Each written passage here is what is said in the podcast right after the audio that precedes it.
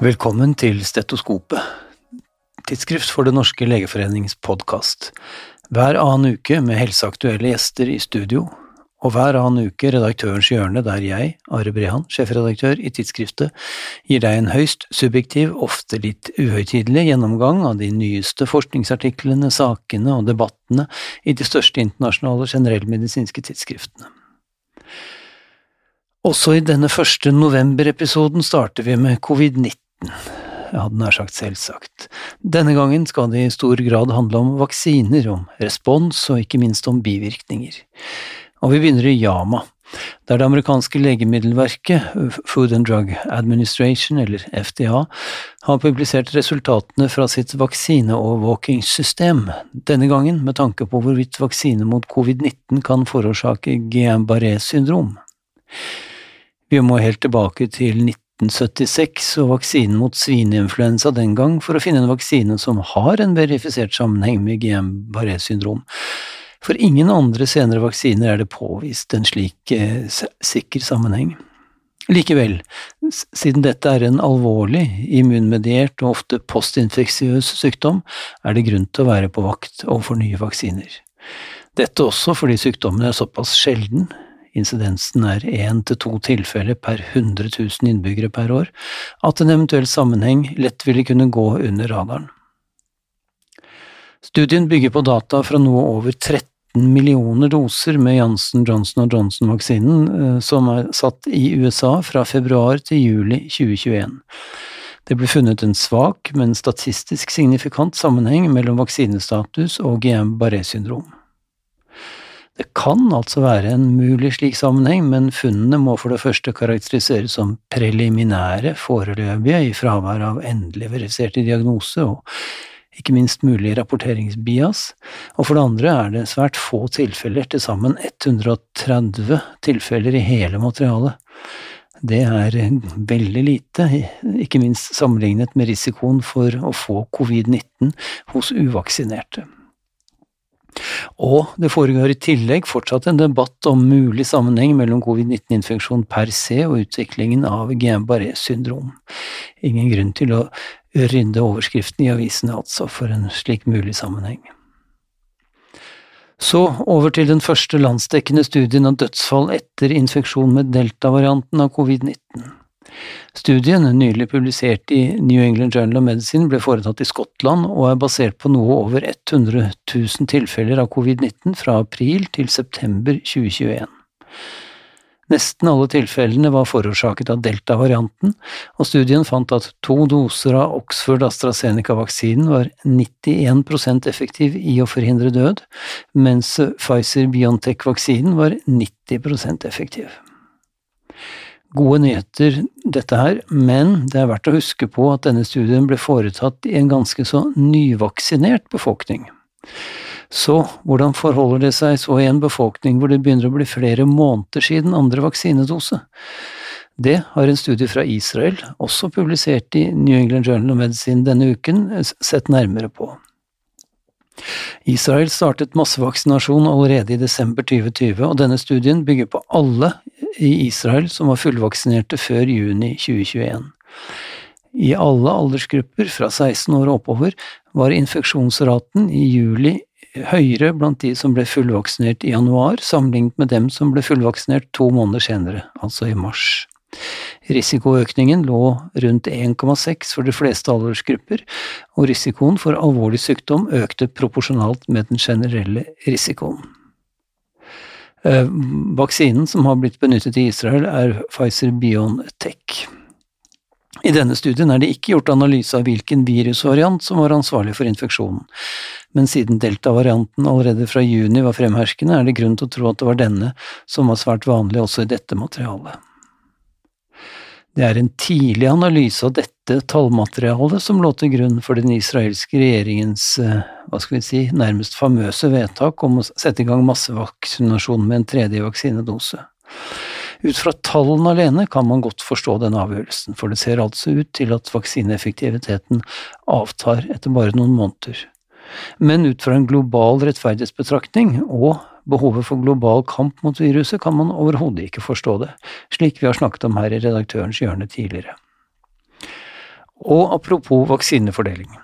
Global vaccine production is a mess, and shortages are down to more than just hoarding, skriver Jane Feynman i en større feature-artikkel i BMJ denne uken. Hun påpeker det allerede vel kjente, at 70 av verdens land ennå ikke har vaksinert 10% av sin egen befolkning, og at 30 av dem har vaksinert mindre enn 2% av befolkningen.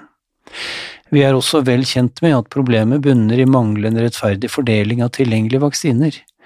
Men dette er ikke hele historien. For vaksineproduksjonen trenger også fordeles bedre, ikke bare vaksinene. Et land vil alltid, ja, faktisk plikter, å prioritere egen befolkning foran andre, vil mange si. Det så vi et tydelig praktisk eksempel på da koronatilfellene økte svært bratt i India, og landet stengte grensene for all eksport av egenproduserte vaksiner. Til fortvilelse for andre land, og tross avtaler om det motsatte. Det afrikanske kontinent, om, som om få år har en fjerdedel av jordens befolkning, er i dag avhengig av å importere 99% av sine vaksiner. Det er ikke bærekraftig med tanke på vaksinedekning og vaksinesikkerhet på sikt. Men hvorfor går det så tregt å få opp vaksineproduksjonen i flere land, særlig lavinntektslandene?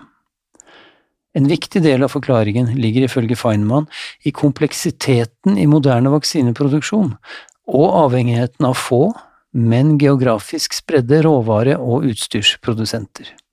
Et eksempel er de enorme bioreaktorposene som trengs for å dyrke celler til vaksineproduksjon. Disse produseres nesten utelukkende for hele verdensmarkedet av et firma i Tyskland, Milpor Signa, som igjen er et datterselskap av medisinfirmaet Merck. Et annet eksempel er stoffet saponin, som er nødvendig for å lage laboratorieversjonen av piggproteinet på SARS-CoV-2-viruset. Eh, saponin er et ekstrakt fra det sjeldne såpebarktreet fra Chile, av alle ting, som ellers stort sett brukes til å produsere, av alle ting, leskedrikker. Nå blir dette ekstraktet vanskeligere og vanskeligere å få fatt på. Over 200 slike og lignende høyspesialiserte produkter trengs for å lage vaksiner. Dette gjør markedet svært vanskelig for nye produsenter, og det gjør at det å lage nye fabrikker i nye land er en omfattende og svært risikabel affære. Den internasjonale farmasisammenslutningen har beregnet at med dagens produksjonstakt på 1,5 milliarder doser i måneden, vil over 24 milliarder doser være produsert innen, innen neste sommer. Problemet nå er altså å få dem produsert der de trengs mest. Vi skal holde oss i British Medical Journal, som rapporterer tall fra Verdens helseorganisasjon, som har beregnet at 115 000 av verdens helsearbeidere til nå er døde av covid-19. Den tidligere britiske statsministeren Gordon Brown, som nå er helseorganisasjonens ambassadør for global helsefinansiering, kaller dette en citat, moralsk katastrofe av historiske proporsjoner som vil sjokkere fremtidige generasjoner. Citat slutt. Årsaken til den voldsomme språkbruken er selvsagt at tapet av helsearbeidere har skjedd og fortsatt pågår i fattige land. Land som mer enn noen andre trenger alle de helsearbeidere de har, både nå og i fremtiden. Utfordringen går til G20-toppmøtet i Roma om straks å sørge for redistribusjon av vaksiner for å hindre at katastrofen blir enda større, og at vi mister enda flere sårt tiltrengte helsearbeidere. Så til en studie fra Sverige, publisert i PLOS Medisin for nylig. Bakgrunnen er at kolesterolsenkende medikasjon i form av statiner teoretisk kan tenkes å påvirke dødeligheten fra covid-19 på grunn av deres eh, pleiotrope effekt på koagulasjonssystem og immunsystem. Tidligere kliniske studier av denne mulige effekten har vært små, og resultatene har vært sprikende. Denne studien inkluderte derfor alle beboere i Stockholmsområdet, en snau million mennesker, som ble fulgt fra mars til november 2020. 2500 av disse døde av covid-19 i perioden, og statinbruk i perioden før og under pandemien var assosiert med en lavere mortalitet, med en hasardratio på 0,88 sammenlignet med ikke-statinbrukere.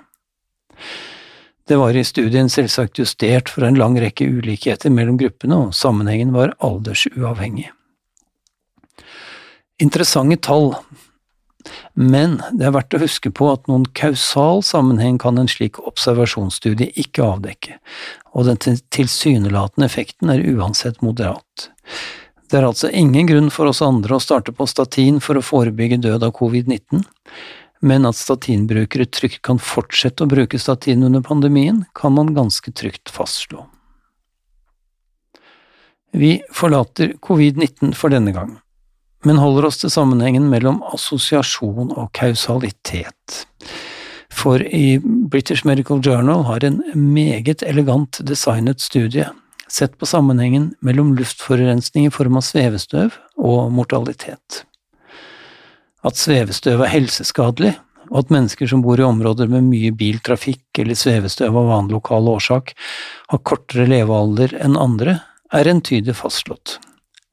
Men det er en assosiasjon, for en direkte årsakssammenheng, en kausalitet, har det vært vanskeligere å fastslå, siden det jo er vanskelig å randomisere folk til henholdsvis å bli flyttet på landet eller bli boende i byen.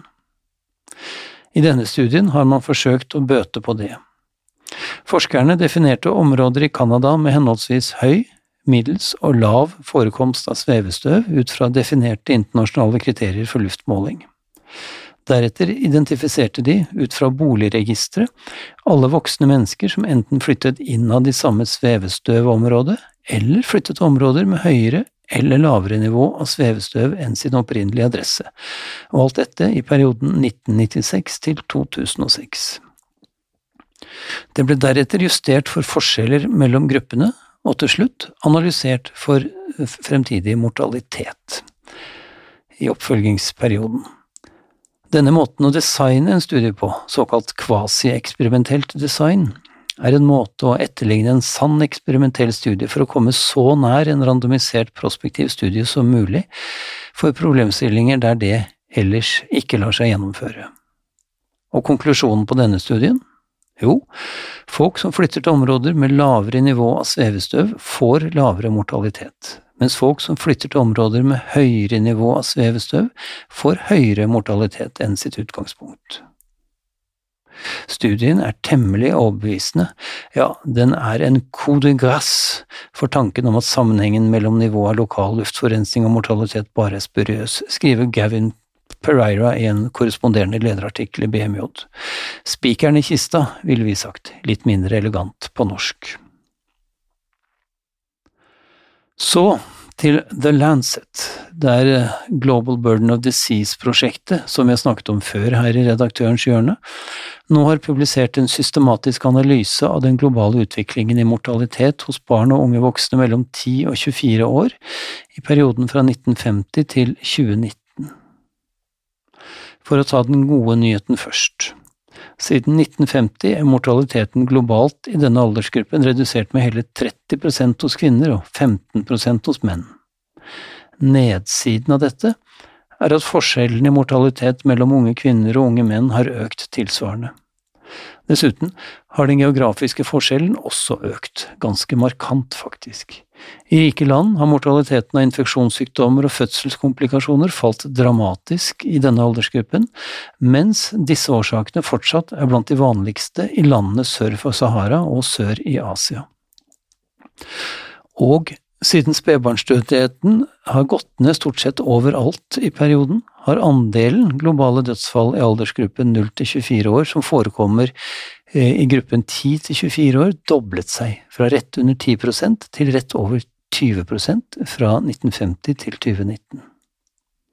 Verden går altså på mange måter fremover, også når det gjelder dødelighet hos unge, men ulikhetene mellom land og regioner ser ut til å øke. Til sist i dag skal vi til den store, prospektive europeiske studien om kreft og ernæring.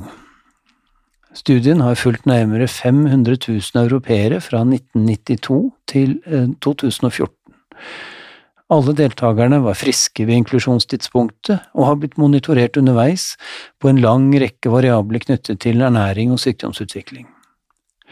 Nå foreligger dataene om såkalt food diversity, eller kanskje matmangfold på norsk, altså hvor variert kostholdet ditt er.